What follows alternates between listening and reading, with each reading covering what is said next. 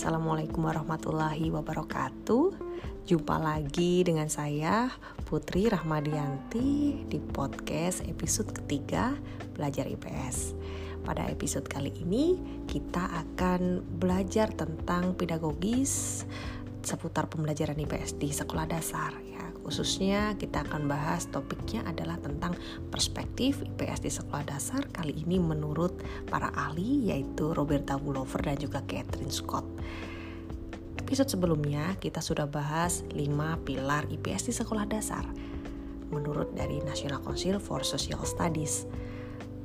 Untuk episode kali ini kita akan bahas perspektif IPS menurut Bullover. Kita tahu IPS merupakan integrasi dari berbagai disiplin ilmu sosial yang disederhanakan sesuai dengan tujuan pendidikan. Kalau kita berbicara IPS di sekolah dasar, tentu di dalamnya mengandung arti bahwa IPS di sekolah dasar merupakan integrasi dari berbagai disiplin ilmu sosial seperti sosiologi, geografi, ekonomi, politik, sejarah, psikologi, dan antropologi yang disesuaikan sesuai dengan tujuan sekolah dasar.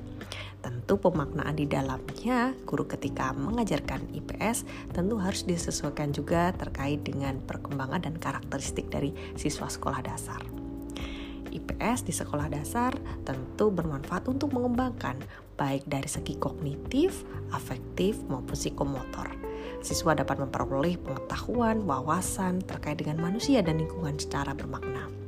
Siswa juga diajarkan untuk lebih peka dan tanggap terhadap masalah-masalah sosial yang ada di lingkungannya, menanamkan toleransi dan persaudaraan, dan tentunya membiasakan siswa untuk selalu mengikuti peristiwa-peristiwa perubahan yang terjadi di lingkungan sekitar mereka. Oke, untuk perspektif IPS menurut Wullover dan juga Catherine Scott ada lima hal.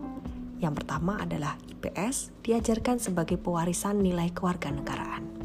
Kita tahu tujuan utama IPS adalah membentuk warga negara yang baik, sehingga di dalamnya tentu akan menanamkan nilai-nilai demokrasi. Kita bisa ajarkan ke anak-anak melalui berbagai macam metode untuk mengenal nilai demokrasi itu. Karena nilai demokrasi ini merupakan salah satu konsep yang abstrak dalam IPS, sehingga perlu untuk dikonkretkan untuk anak-anak.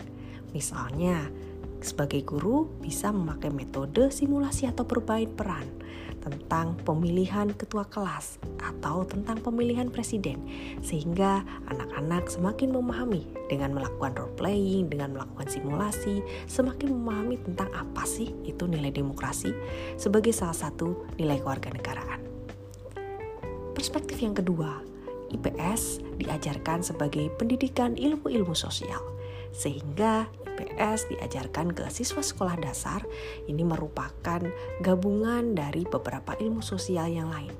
Sehingga ketika kita bicara satu hal yang terjadi di lingkungan sekitar kita, kita akan mengkajinya dari berbagai sudut pandang. Agar apa sih ini dilakukan? Agar siswa terbiasa untuk melihat berbagai keadaan yang ada, berbagai fenomena yang terjadi itu dari perspektif yang menyeluruh sehingga menjadikan dia menjadi pribadi yang lebih bijak. Perspektif yang ketiga adalah IPS diajarkan sebagai cara berpikir yang reflektif.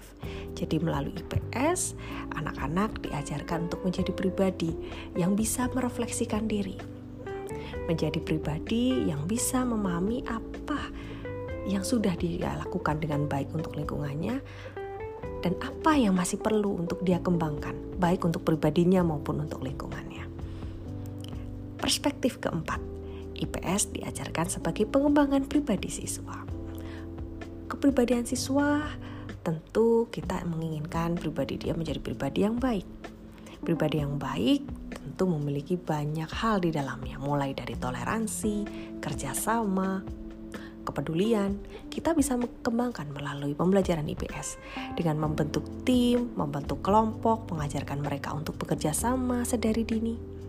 Agar kelak ketika mereka hidup di masyarakat, ketika mereka bekerja, mereka siap menghadapi tantangan di masa depan dengan siap berkolaborasi dengan siapa pun. Dan untuk perspektif yang terakhir adalah IPS diajarkan sebagai bagian dari belajar mengambil keputusan benar. Jadi, setelah siswa diajak untuk menganalisis apa yang terjadi di lingkungannya, dia melakukan refleksi.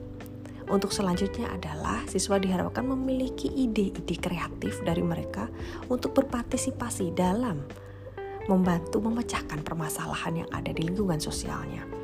Dia bisa mengambil keputusan mana yang terbaik untuk lingkungan, mana yang terbaik untuk dirinya, agar tentunya dunia ini bisa berjalan dengan baik. Lingkungan sekitarnya bisa berjalan dengan baik sesuai dengan norma yang berlaku. Dan juga tentunya berasaskan kemanusiaan dan juga menjunjung tinggi terkait dengan konservasi.